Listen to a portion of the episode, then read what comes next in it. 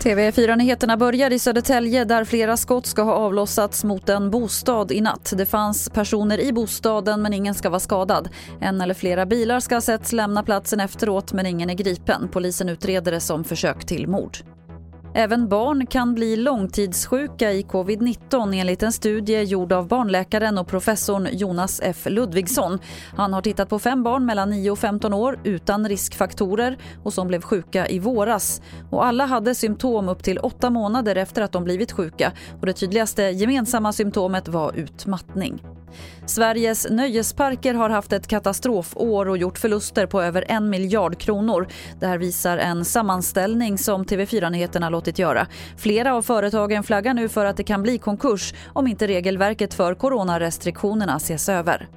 Vi ser i de politiska leden att man gör inte tillräckligt för att faktiskt se, se oss och göra någonting åt saken. Utan tiden går och kulturarv går just nu i graven.